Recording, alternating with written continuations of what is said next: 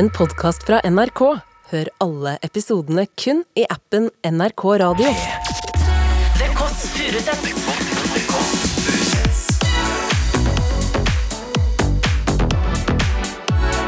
Helsespesial. Spesial.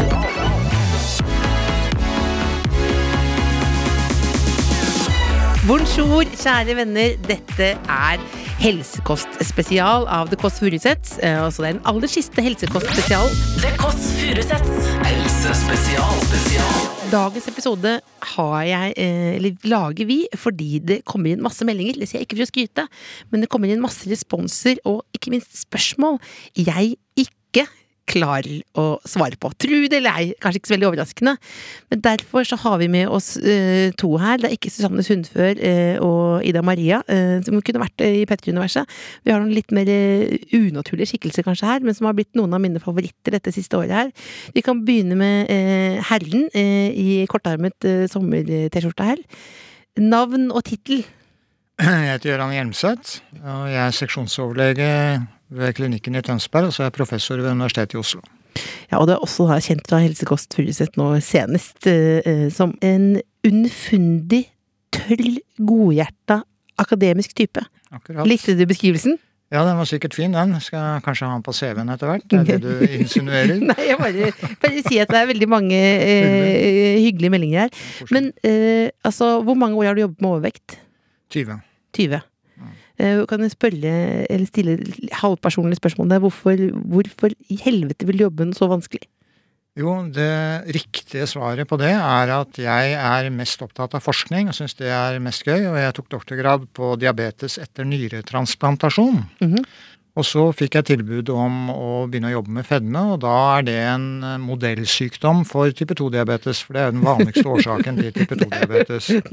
Det er faktisk den grunnen til at jeg begynte å jobbe med fedme. Og jeg fikk også tilbud om å lede dette overvekstprosjektet. For i, eh, i 2004, da fikk de som har sykelig overvekt rett til nødvendig helsehjelp. Før det fikk de som hadde fedme beskjed om å gå hjem, skamme seg, spise mindre og trene mer. Men så eh, ble det lovfestet at eh, spesialisthelsetjenesten måtte gi hjelp fra 2004. Jeg har hørt, du er den jeg har hørt eh, si oftest på TV fedme er en kronisk sykdom. For det er, det er en, også da en litt ny ting. Er det også fra 2004? Man kunne, ble det på en måte bestemt da?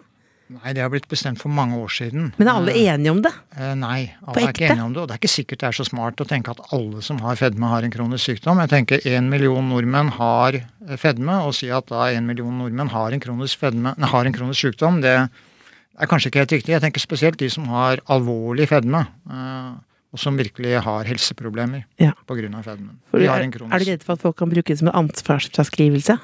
Nei, det er jeg ikke noe redd for. Nei. Men jeg er mer redd for at det blir for vanlig. Det å ha en sykdom skal ikke være mer vanlig enn ikke å ha en sykdom. Som dere hører, så er dette jeg har med kunnskapens eh, egen fyrste her.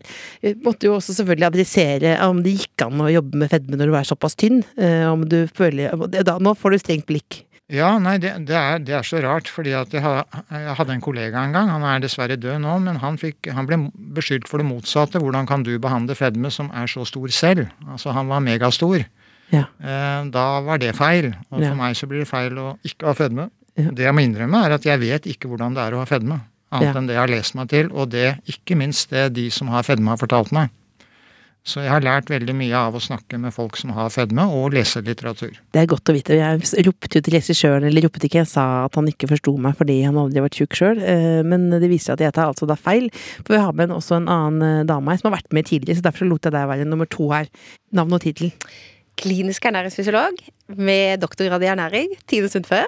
Og jeg jobber også i spesialisthelsetjenesten, delvis på Bærum sykehus. Jeg jobber med behandling av fedme. Og der jobber vi også med å få på plass litt mer forskning. Jeg syns jo også forskningsbiten er morsom, og det var jo derfor jeg tok en doktorgrad. Men jeg er nok aller mest glad i å jobbe i klinikk med pasienter, og jobbe med kommunikasjon ellers.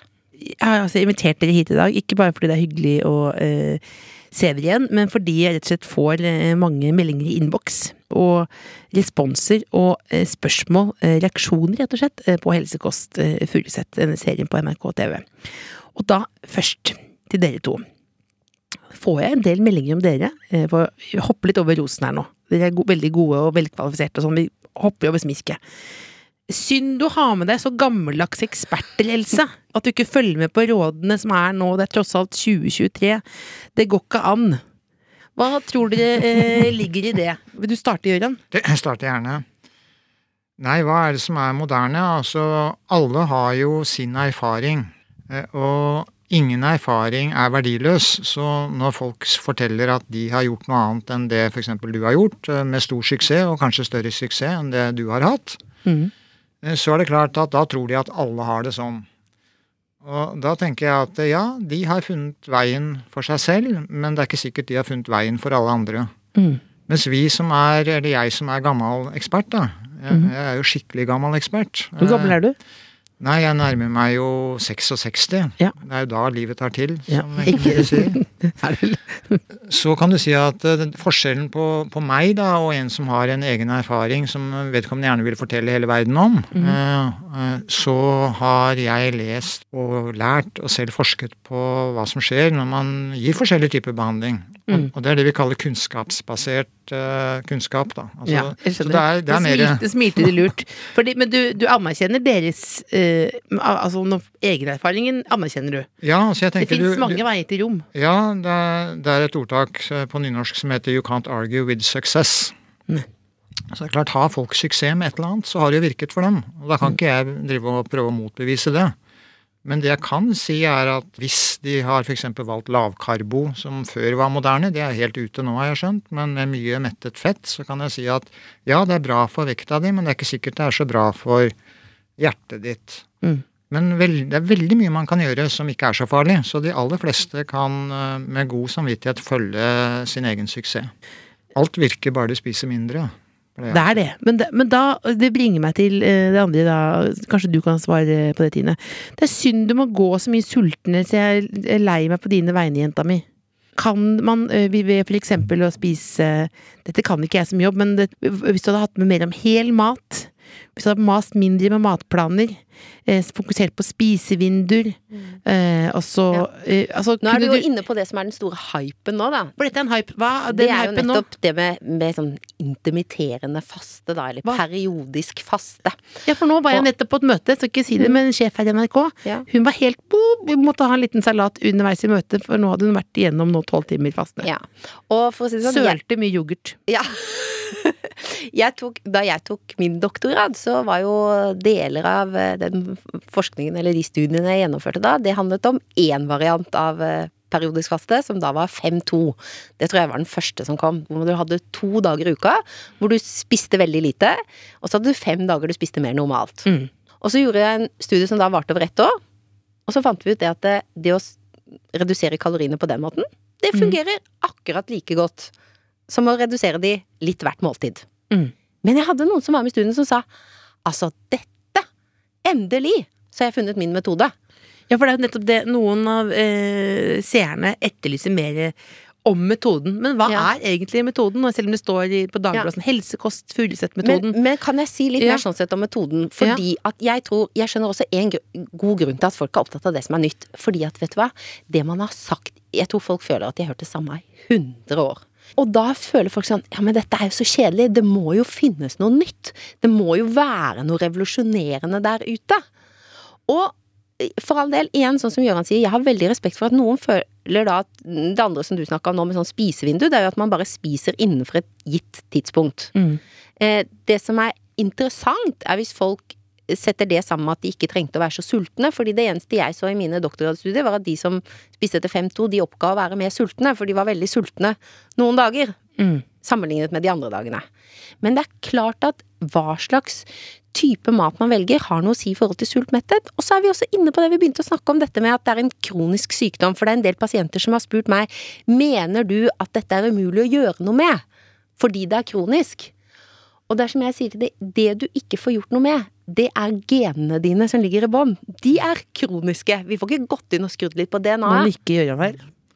Ja, Men, ja, men man kan gjøre noe med hvordan man velger å leve livet sitt. Men det er klart at det er utrolig mye vanskeligere for noen å ta de valgene. Ja, absolutt. Men jeg, jeg kunne tenke meg å gå tilbake til det med spisevinduet og si, noe, si noe positivt om det. For jeg, jeg er egentlig litt enig i at det vi snakker om kan virke litt kjedelig. Altså, jeg, jeg forstår faktisk det spørsmålet. Jeg har stor forståelse for det. Det høres jo mye mer spennende ut om du kan faste 16 timer i døgnet f.eks. og spise 8 timer, da. Ja. Og spesielt når Det du er et vet at system, liksom, da. Ja, og så vet du jo at mu- mu- Ja, men også er det Mus- helt nytt. Ja, altså mus lever lenger, vet vi. Mus får bedre helse. Eh, Og for Altså, musa mus- så er jo det ja. en drøm, også med sånne lange spis, eh, ikke-spisevinduer. Ja. Så det finnes jo tusenvis av museforsøk som viser hvor bra dette er for musa. Ja. Men det finnes jo ingen forskning dessverre ennå som viser at det er like bra for mennesket.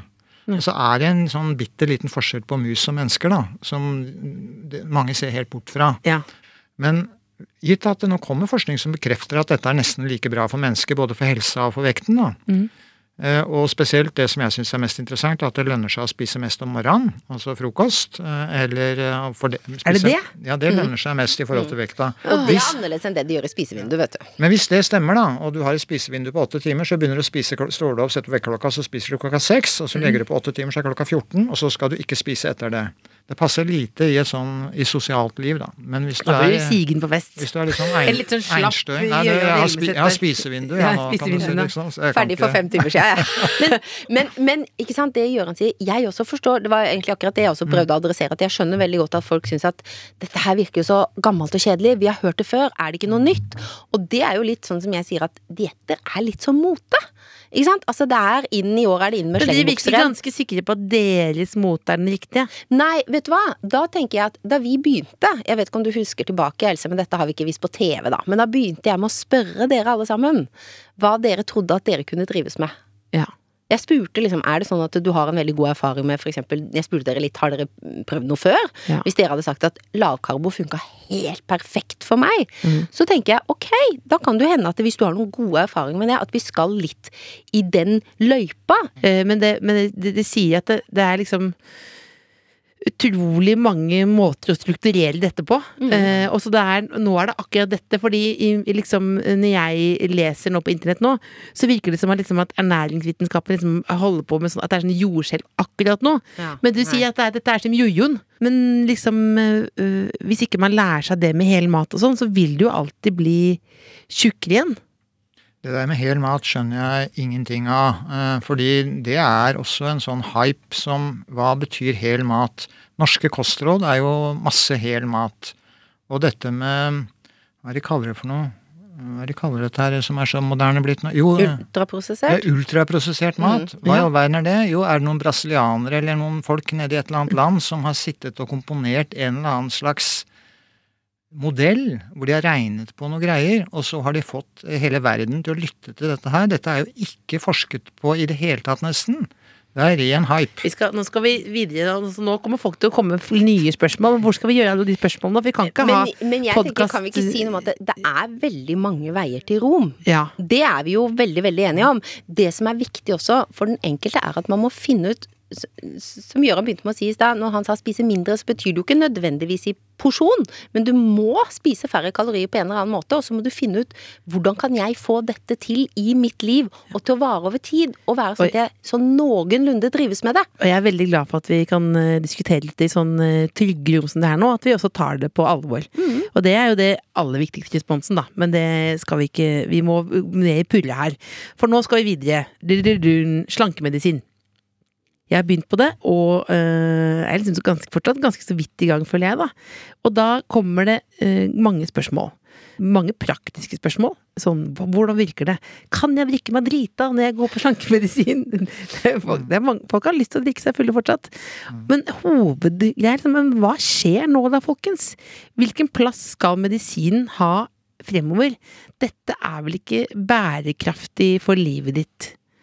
Hva, da kan du begynne med det, Jørgen. Ja, nei, altså Slankemedisin er jo det nest øverste trinnet på, på behandlingstrappen. Altså, du må endre atferd, du må spise mindre for å gå ned i vekt, og så er det vanskelig, det vet alle. Eh, Og så må man få mer hjelp, og så trenger man kanskje enda mer hjelp, og da kan vektreduserende medisiner eh, hjelpe til, spesielt å dempe sulten og øke metthetsfølelsen. Og det er det de gjør. Så da skal det være, etter min oppfatning, eh, hvis samfunnet skal legge, investere i det, så må det være for de som virkelig har et problem, og som trenger hjelp. Mm. eh, Så begynner man på det, da. Skal man gå på det resten Nei, av livet? lenge, Du kan si at eh, her må jeg prøve å være litt ydmyk, da. Eh, Så fins det jo per nå ikke forskning utover to-tre år. Så vi vet strengt tatt ikke hvor lenge mer enn to-tre år de nye medisinene virker. Ja. Jeg tenker spesielt på den typen Det som du viser seg at på femte året så sprekker alle. Ja, Men så vet vi heller ikke, selv om mye forskning tyder på at eh, dette med sult eh, Altså dette at kroppen gjerne vil ha deg tilbake til din gamle vekt. så Det er ha- ikke en myte.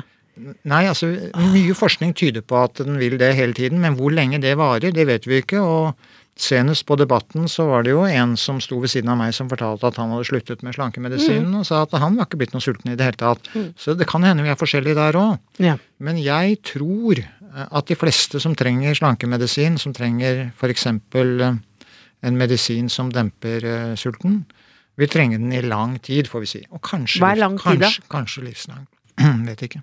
Vet ikke. Men jeg ser vi har jo en del pasienter i, i klinikken da, når vi, jobber med dette, som går på fedmemedisin, og som slutter en periode, for de sier at nå er alt annet Hvis de f.eks. har hatt stor grad av emosjonell spising, uten at de har hatt en overspisingslidelse, men de har spist mye på følelser, så sier de at nå er ting i livet mitt veldig på plass. Jeg har det veldig bra. Og så sier de jeg, jeg, jeg tror jeg slutter en stund. Ja. Og de slutter, og det fungerer godt. For driveren hos de har ikke nødvendigvis vært den derre sulten som gnager i magen, men det har vært den sulten som gnager i hodet. Men så sier de, men så vet jeg på en måte at det fins noe i bakhånden der. Hvis jeg nå kjenner at det, åh, nå drar det seg til igjen, nå er det vanskelig. Og når de kjenner at når de liksom må, må stå imot med For én ting er å liksom stå imot med viljestyrke noe, men når du gjør det hele tiden 24-7 Hvis du kjenner at du egentlig er mer sulten Men hele hva tiden er det hvis noen ikke har eh, fulgt med i siste måte akkurat, og jeg er jo ikke noe god på å forklare ting, eh, så hva er det akkurat medisinen gjør? Det er litt de- ulike medisiner, da, men vi sier ikke merkene her Det er to typer medisin. Det er en tablettmedisin. Den virker eh, både på sult- og metthetsfølelsen på en positiv måte, men den demper også gleden av eh, energitett, sukkerrik og fettrik mat. Så du får mindre glede av maten, og det er jo kanskje ikke alle som har lyst til å få mindre glede av maten, og noen slutter nettopp fordi det, de spiser nærmest på trass til Blir slutt. deprimerte. Ja, altså de får, har ikke noe glede av mat og sier at eh, ok, da får jeg heller være litt tjukk eh, Ja. enn, å, enn å måtte ha det slik. Men, og det, det som er mest interessant, er jo det Tine var inne på her, at, eh, og spesielt kvinner, da, hvor følelsesmessig spising er mest eh, uttalt, så er det ikke bare følelsesmessig spising, men det er faktisk overspisingslidelse. Det ser ut som disse medisinene virker mot det òg. Mm. Og det gjøres jo forskningsstudier, og det er nylig publisert faktisk en ganske god såkalt randomisert kontrollert studie, som er liksom det høyeste nivået man kan dokumentere effekten av noe, Mm. av denne tablettmedisinen på overspisingslidelse, som viser at det hjelper. Altså det virker mot overspisingslidelse. Så her har vi kanskje en behandling som både kan hjelpe mot overspising og fedme i samme leia, da. Men er det sånn, det er akkurat som at i hvert fall de meldingene jeg har fått, at det er sånn ikke Folk beskriver ikke at det er juks, men liksom at det er sånn derre Å ja, skal vi ha det sånn nå? Selv om det er jo veldig mange som kjøper det, så er det en veldig aversjon mot det. Hva, det, det er litt på- halvfilosofisk, men hva kommer dette av da? Jeg tenker det kommer av den samme fordommen som folk har mot fedme, som kanskje de ikke tør å adressere direkte lenger. Nå er det ikke så inn å, å sverte de som har fedme eksplisitt. Nå snakker man mer om det eh, i, i det skjulte. Mens det å ta medikamenter, da viser du virkelig at du mangler viljestyrke, tenker jeg folk eh, tenker. Jeg gir opp, jeg. Jeg legger meg ned, liksom. Ja. Sånn som jeg gjorde Men jeg, på Men jeg tror noe av det beste, noe av det beste du har gjort eh, for å vise i serien din, eh, denne serien her, er jo nettopp det at du faktisk skjønte at du kunne trenge den hjelpen.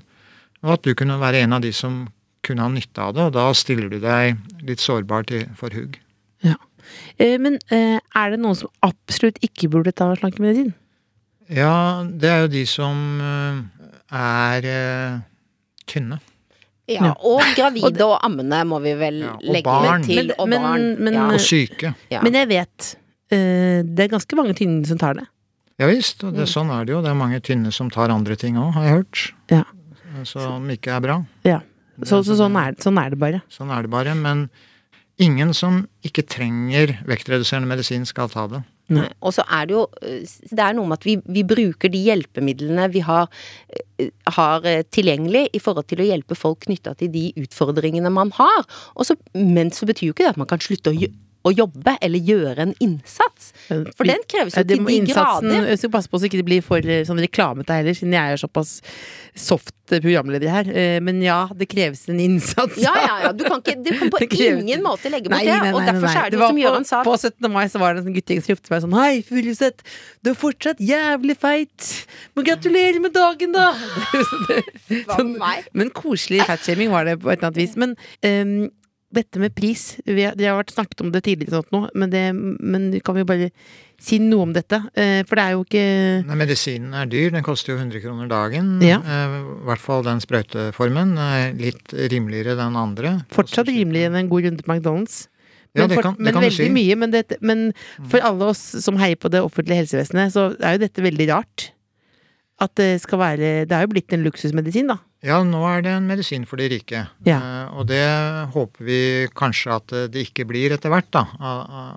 Vi håper at denne kan bli tilgjengelig på blå resept for i hvert fall de som ellers ville kunne få vektreduserende kirurgi på statens regning, da. Ja. De som har det vi kaller for alvorlig fedme, eller sykelig overvekt, som vi kalte det før. Og det tenker jeg også er litt viktig å ta med seg når vi ser på, snakker om bivirkningsprofil, som Gøran sier at dette er noe vi regner som en veldig trygg medisin. Og da er det jo på en måte å huske på at det neste steget på trappa, som er det øverste steget, det er kirurgi.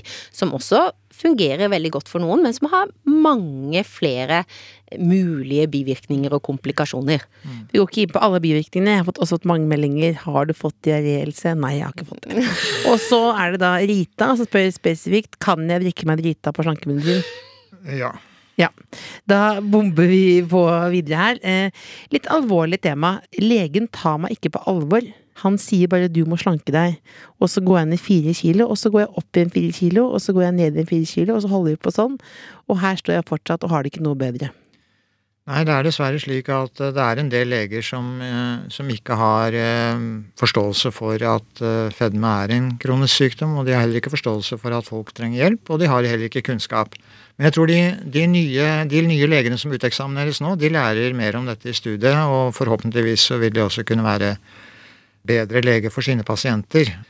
Jeg ville jo anbefalt å bytte lege hvis det er mulig, men jeg vet jo også at det er mangel på fastleger, så det er ikke så enkelt. Det Og så har jeg lyst til å forsvare fastlegen litt òg, ja. Fordi at det er jo en del av mine pasienter eh, som sier, eller også andre ganger jeg hører det, som sier at ja, og så kommer jeg til legen og skulle snakke om det kneet, og så tar han bare opp fedmen min, og så, og så er de blitt indignert, da, når legen kanskje har gjort det i beste mening, for han har tenkt at noe som vil hjelpe deg framover, er jo hvis du kunne klart å gått litt ned i vekt, for da ville du fått mindre vondt i det kneet med artros, slitasje, for Men da eksempel. virker det så innmari lenge til, ikke sant? Ikke Fordi sant? Det, Og hvis det du har betyr jo- vondt i kneet nå, og så har du jo holdt på med den fedmen hele livet, Og da skal man jo ikke la være å gjøre noe hvis det er noe, noe annet å gjøre med det kneet. Men jeg tenkte hva jeg skulle si. Der igjen så tenker jeg at derfor er det så viktig også å gjøre forskning. Fordi på St. Olavs så gjorde de jo en studie på nettopp dette. På folk som skulle inn og så ha fedmeoperasjon. Og så spurte de folk om eh, de ville at legen skulle ta det opp. Og da svarte folk jevnt over ni av ti at eh, de ville gjerne at, eh, at legen skulle ta det opp.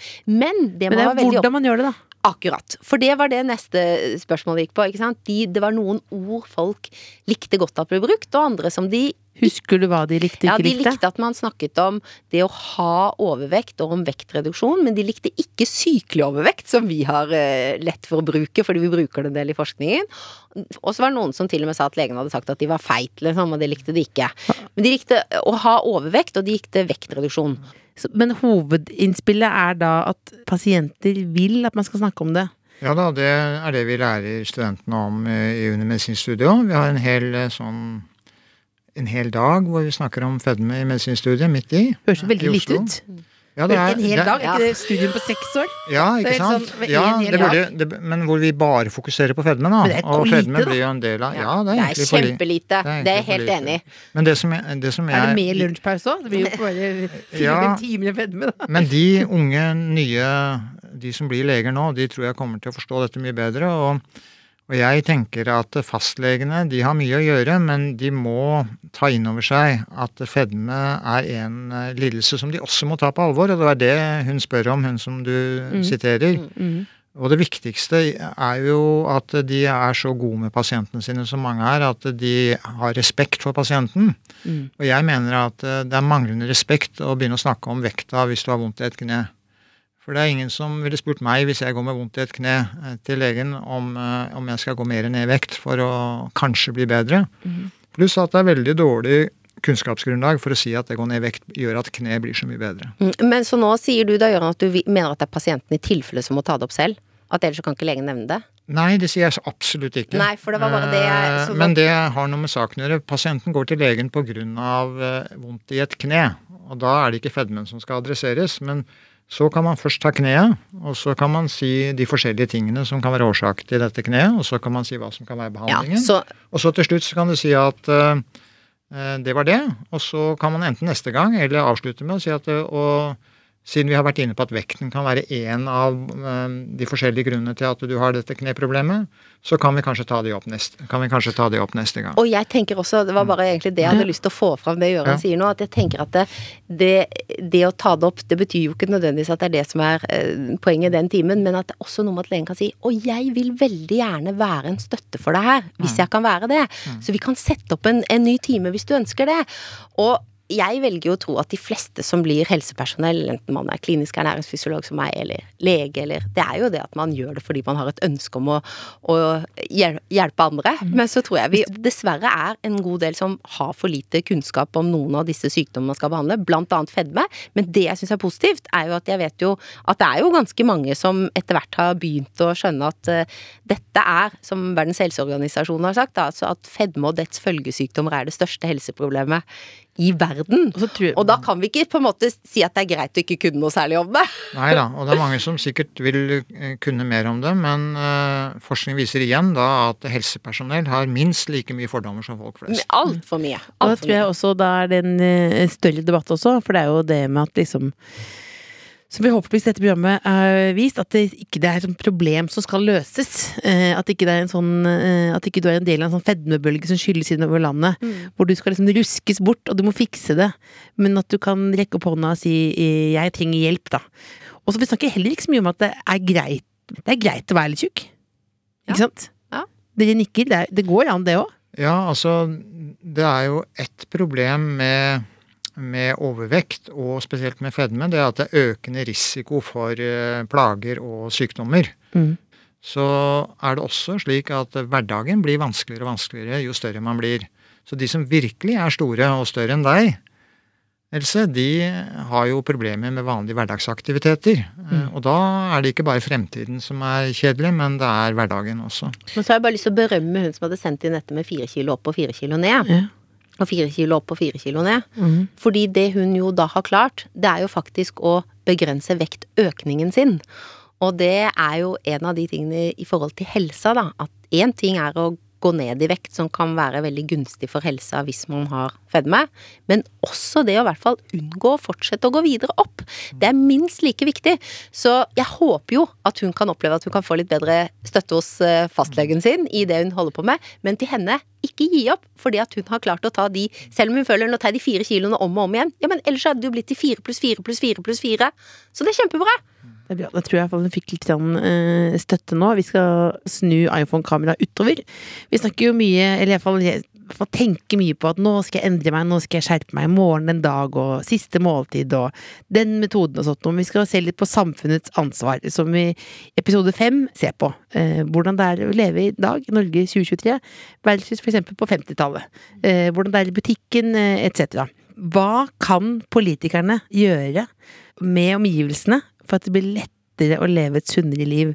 Da skal dere få lov til å svare helt fritt som de ekspertene dere er. Ja, jeg- vil si at eh, For ti år siden var jeg med i en ekspertgruppe som skulle gi politikerne råd om eh, hvordan eh, man skulle redusere dødeligheten av ikke-smittsomme sykdommer i løpet før 2025. Så vi er jo snart der. Og denne ekspertgruppen var, var ledet av flinke folk, og mange andre flinke folk var med. Og, og vårt råd det var jo veldig enkelt. eh, Det samme rådet som stort sett gis i hele verden i dag, det, det er å lage et slags prissystem hvor man belønnes for å kjøpe sunn mat og straffes for å kjøpe usunn mat. Altså sunn skatteveksling. At du skattlegger tungbrus, dobler prisen på tungbrus, og så halverer prisen på lettbrus. Eh, Det var det ene forslaget vi hadde, og vi hadde flere andre. Men i hvert fall, det var en hel rapport. Den leverte vi til da daværende helseminister Jonas Gahr Støre. Ja, Så jeg vet ikke om han hadde lest det, men han eh, ganske arrogant la den i skuffen og sa at takk for gode råd som vi ikke vil følge. Og så siden har ingen andre ville fulgt det heller. Kan du si noe om hvorfor du tror det ble sånn? Nei, det, det kan man jo bare spekulere på, men dette jo, viser jo politikerne i praksis hele tiden at de følger jo ikke de gode rådene de får, eh, og som støttes av både forskning og av internasjonale helseorganisasjoner. Og noen, det er ikke bare at de ikke følger rådene, men de saboterer dem jo, de går jo enda verre til verks. Eh, Enkelte partier de fjerner jo fjernet jo sukkerskatten, og de gjør jo alt som er gærent. Det er, dette det- handler om penger i popularitet, eller? Det handler om popularitet, tenker jeg, og det handler om neste valg. Eh, og de er, eh, de, eh, politikerne har ikke vært til å stole på, så de må skjerpe seg. Eh, og det har jeg dessverre liten tro til at de gjør. Eh, det ligger i politikernes natur. Ja, og så lager man sånne luftslott. Man lagde jo da et utvalg der bransjen skal passe på seg sjæl. Eh, som har vist seg å ikke fungere spesielt, blant annet i forhold til dette med markedsføring. Da. For én del er dette med sunn skatteveksling.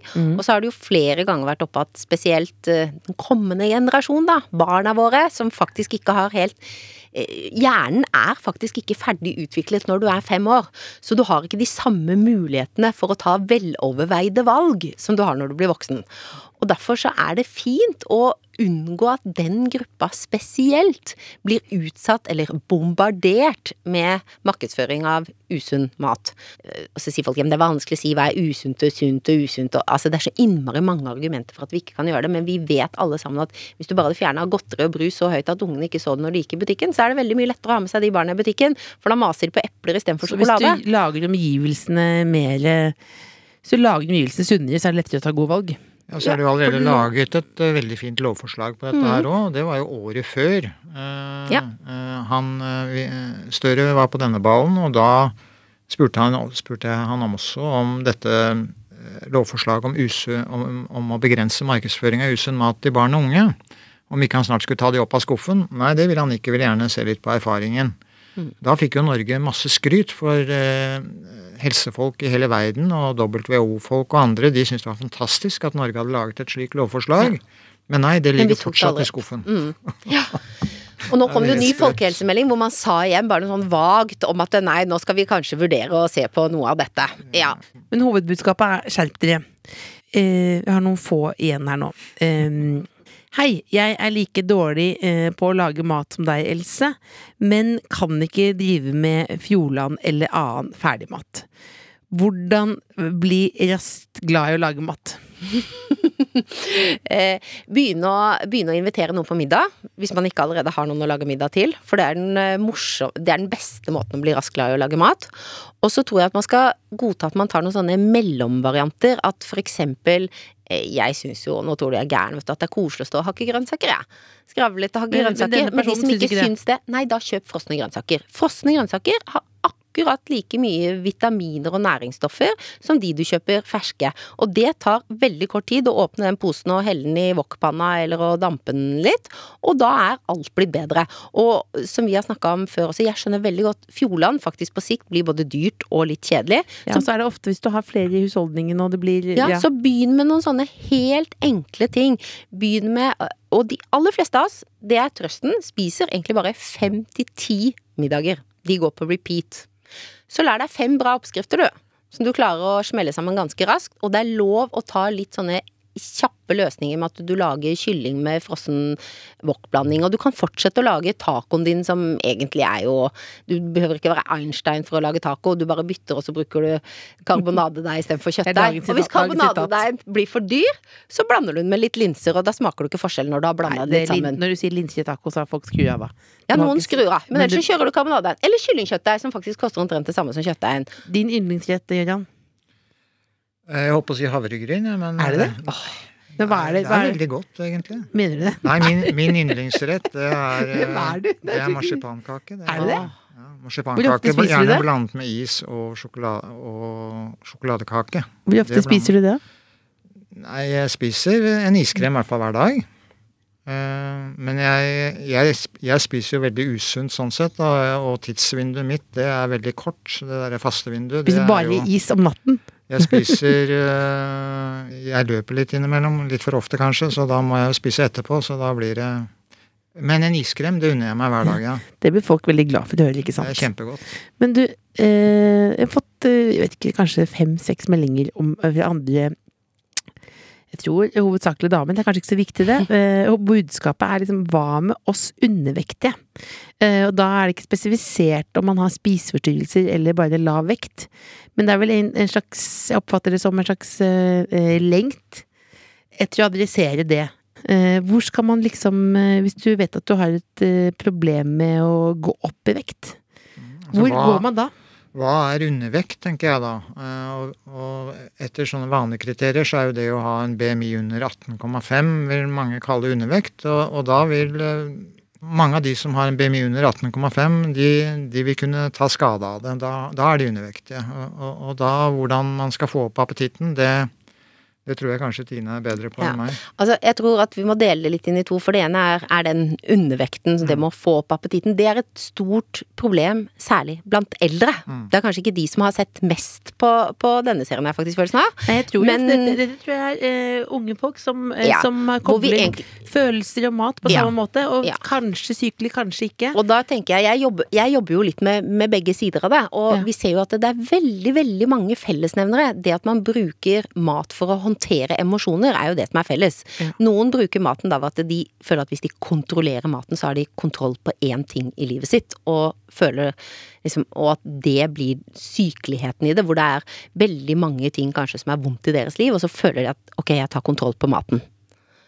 Og det er jo, da er vi over i det som vi kaller Ikke bare ved det, da, men hvis du har undervekt, føler fortsatt at du er stor, at du er overvektig, selv om du egentlig er undervektig, som du har et forvrengt kroppsbilde, er kanskje veldig opptatt av visse områder på kroppen, og du bruker mat for å håndtere følelser, så er man kanskje over i det vi kaller anoreksi, eller eventuelt bulimi, hvis du har med sånn at du kaster opp eller overtrener sammen med dette.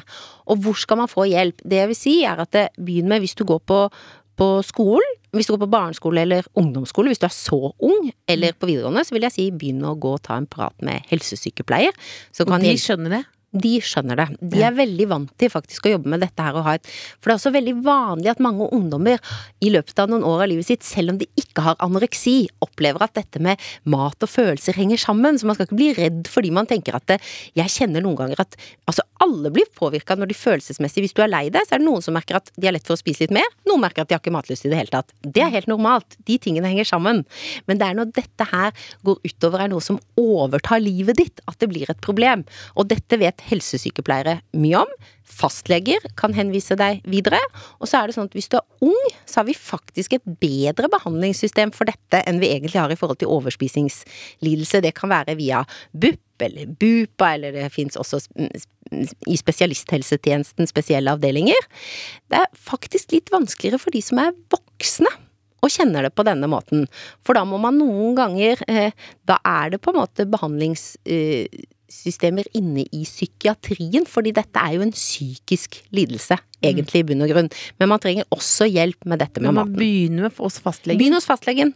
Begynn hos fastlegen. Ja. Så håper jeg at det er en eh, fastlege som har En ålreit som har i hvert fall én dag Eller er det bare én dag om undervekt, siden det er én dag om fedme under studiene? Jeg tror nok at undervekt, i hvert fall eh, de som har anoreksi, eh, heller ikke blir tatt så veldig godt vare på i studiene, nei. Det er mange sykdommer som man kunne snakket mer om. Og det her tenker jeg er litt av Nå tar vi litt helsepolitikken i dette her òg, da. Det er jo at jeg ønsker meg jo at vi skulle utvides, vi ikke lenger har en fast lege Jeg er ikke mot fastlegen, men jeg ønsker at vi skal ha en fast helseordning.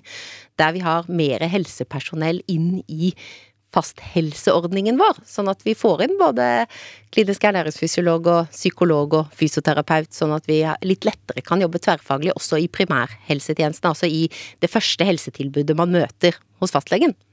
Eh, Dette Det var enda en ting til politikerne, da. Ja, men det er veldig fint i tilfelle en politiker hører på. Muligens. Jeg vet ikke. Jeg Det fins vel noen kule politikere som hører på podkasten din? da. Oi, da er du god. Er det god. Nei, jeg, det, jeg syns jo det er tverrfaglige Jeg føler at vi har eh, i denne serien for, forsøksvis eh, prøvd å være litt tverrfaglige. Og det har vært veldig fint å, å, å ha med dere eh, som støttekontakter, eh, som er et annet ord for eksperter i min verden. Eh, to små spørsmål på tampen nå, som er etterpåklokskap. Er det riktig eh, av NRK å lage en slankeprogram i gåsetegn? Er det liksom noe det er behov for? Og hva er det aller viktigste fremover for å få bedre mm, folkehelse? To spørsmål fikk de nå. Kan de, de kan få velta ett hver, hvis de vil. Da begynner jeg bakerst. Ja. Det er viktig å adressere folkehelseutfordringene i Norge fordi vi har så mye å vinne. Det er ikke så mye som skal til for å få Vi har veldig god folkehelse i Norge. Og så kan det bli enda bedre i forhold til dette med bekjemping, bekjempe ikke-smittsomme sykdommer, som er hoveddelen av sykdommene i Norge. Og da er det små endringer som skal til. Så jeg syns det er veldig fint å adressere dette i et program på TV med deg, Else, som er litt kul. Jo, men det er helt sant. Ja, men det er hyggelig men du mener at det, det, vi har, ikke, gjort- har vi gjort noe skade, Gøran? Det lurer jeg på. Uh, nei, eh, tvert imot. Jeg, jeg tenker at dette har vært en, um, et viktig program. Det viser jo responsen, og jeg har aldri fått så mye respons noen gang på et program uh, eh, som jeg har vært med i, eller på, når jeg har vært på TV. Og da både med tanke på egen innsats, men spesielt på deg da, eh, som programleder, på måten du har taklet denne kombinasjonen av tull og tøys og alvor på en sånn veldig profesjonell måte, egentlig. Eh, Og den største feilen som kan gjøres nå, er vel at ikke det kommer fortsettelse neste år. Fordi resten av livet ditt vil vi gjerne ha med. Så kan vi ikke starte nå med en ny serie, Else resten av livet. Else resten, Å, fy søren, det er jo en grusom strømmetjeneste, minutt for minutt. eh, Rett og slett. Men det er jo eh, For det er nå det, er nå det kan gå galt. Det er nå ikke det starter, ja. Ja, det er nå det starter. Det er Og, det og det Gjøran sier også, jeg tenker i, i forhold til dette med positive tilbakemeldinger, så har jeg jo fått aller mest positive tilbakemeldinger fra de som sier 'jeg kjenner meg igjen', 'jeg Mm. kjenner på disse utfordringene', og jeg er så glad for at vi kan snakke om det. Mm. Ikke som de som står som noen sånne eh, grønnsaksmisjonærer og sier 'ja, nå må vi få alle til å spise mer frukt og grønt'. Det er ikke jo- de som digger det. Men Du er fordi du, de er salatmafiaen. De, har allerede- de har du med deg, de allerede. Ja, og, Men- derfor, men og det er det jeg mener, det er ikke de som har kommentert det denne Men det aller viktigste er jo at eh, selvfølelsen uh, ikke er så koblet til vekt, eh, tenker jeg. Og det å ha et godt liv. eh, og så lærte, lærte jo du meg, Jørgen, det å gå ned 10-15% har en veldig stor effekt. Og når du sa det første gangen, så hørte jeg ikke helt etter, for jeg hadde en annen plan. For jeg visste at jeg skulle være den aller flinkeste slankeren du hadde møtt. Og så viste det at det var jeg ikke. Eh, men så ble jeg glad at, du, og at det ikke var så skummelt å møte helsevesen, da. Eh, for det er jo noe man ikke har så veldig lyst til, når du vet. Fordi alle som har lyst til å endre kroppen sine, vet det aller meste. De har lest de samme artiklene, kanskje ikke de samme fagartiklene, men vi har lest side opp og side ned om hvordan vi kan bli bedre mennesker i gåstegn. Og så er det ikke det det handler om. Vi skal ha et eh, godt liv. Takk for i dag, da. Og god folkehelse. Veldig råttent uttrykk å si god folkehelse, men det er vel budskapet, det, da. Hvilken is skal du spise? Jeg liker best kroneis, men det er litt avhengig av prisen òg, da, vet du. Så er det på salg, så kjøper jeg inn flere pakker. Gjør du det? Ja, ja. Fyller opp fryseren. Gjør du det? Ja, ja. Skal du, skal du ha en Magnum eller Tine? Nei, jeg er mest glad i kuleis, jeg, i tilfelle. Å kjøpe sånn, men det er blitt veldig dyrt. Å gå og kjøpe sånn, ja, sjokoladeis er favoritten. Akkurat på iskrem, så der ser jeg ikke på prisene. rett og Nei. slett. Nei. Men takk for at dere kom. Smart tips. Herlig. Takk for invitasjonen. The Kåss Furuseths. Spesial. NRK har vært i kontakt med Helse- og omsorgsdepartementet vedrørende Hjelmeseths kritikk av tidligere helseminister Støre. De skriver følgende tilsvar. Departementet kjenner seg ikke igjen i beskrivelsen av hvordan rapporten ble mottatt og håndtert. Blant annet var rapporten en del av grunnlaget for en strategi mot ikke-smittsomme sykdommer lagt frem av daværende helseminister Støre. The Kåss Furuseths. Helse spesial spesial. Du har hørt en podkast fra NRK. Hør alle episodene kun i appen NRK Radio.